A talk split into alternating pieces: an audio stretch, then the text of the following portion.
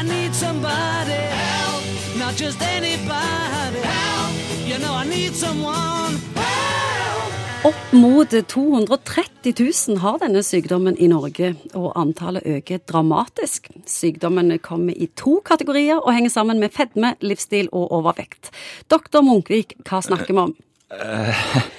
Hvor mange var det du sa? 230 000? Mange, altså. Det må være en sånn livsstilsgreie. Og to diabetes, kanskje? Jepp, Ja. det er diabetes. Hvem får dette? Ja, Du sa to kategorier, og det er jo viktig å, å, å holde litt fast med det der. For det der er liksom, type 1-diabetes det er en sånn sykdom som vi kan få helt fra barn- og ungdomstida, hvor rett og slett kroppen ikke klarer å lage insulin. Mens type 2-diabetes det er en sykdom som kommer litt sånn etter hvert, og henger veldig sammen med fedme. Det gjør ikke type 1, men type 2 henger sammen med fedme. Og den kommer fordi at det insulinet du lager i kroppen rett og slett ikke funker så godt lenger. Hvordan merker du at du har diabetes? Det merker du med at du er tyst, drikker masse og går mye på do og tisser, og så blir du slakk og i dårlig form og, og ute av det. Ja, men dette er jo symptomer vi kan leve med. Det høres Ja, ikke så farlig ut. Nei, det kan du si. Eh, De som mangler insulin, de type 1-diabetikerne, de går det dårlig med hvis de ikke får behandling. Fordi at sukker hoper seg opp i blodet, og du får en del veldig lite gunstige virkninger av det, da. Eh, Så det, det lever du ikke lenge med. Du lever en år med det, ja, men du lever ikke lenge med det. Så før i tiden, når man ikke hadde insulin å behandle med, så var dette en sykdom som var veldig livsbegrensende. Og så får de noe som heter føling hvis de ikke får medisinen sin. Ja, eller, eh, eller egentlig eh, motsatt. De får for mye medisin.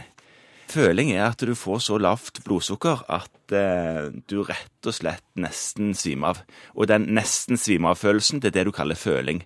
Og medisin i dette tilfellet er vanligvis insulin. Hvordan virker føling, og hva gjør vi?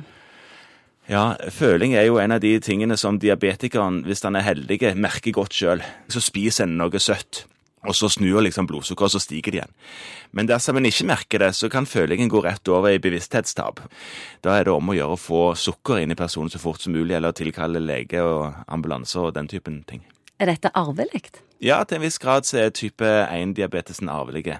Og type 2, det går liksom i en det, Ja, ikke direkte arvelig egentlig, men det går i familier. Eh, man har kanskje en, en eh, stillesittende livsstil, dårlig kosthold, og, og det arves jo ikke i genene, men det arves liksom i familiehistorie.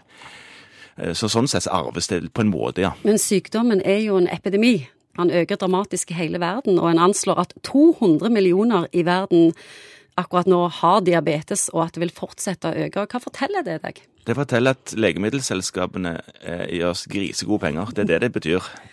Mange som gjør seg veldig rike på et folkehelseproblem som man burde ta ved roten.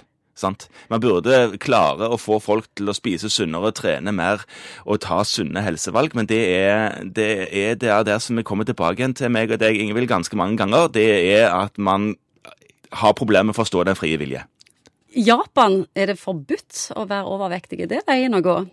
Der er det sånn at kvinner med midje over 90 cm og menn med midje over 85 cm må inn i et statlig program for å bli slanke igjen. Hva tenker du om det? Det, det er jo et artig konsept eh, som jeg tror vi har problemer med å få gjennomført i Norge, ja. Jeg, jeg, jeg, tror, jeg tror ikke på tvang.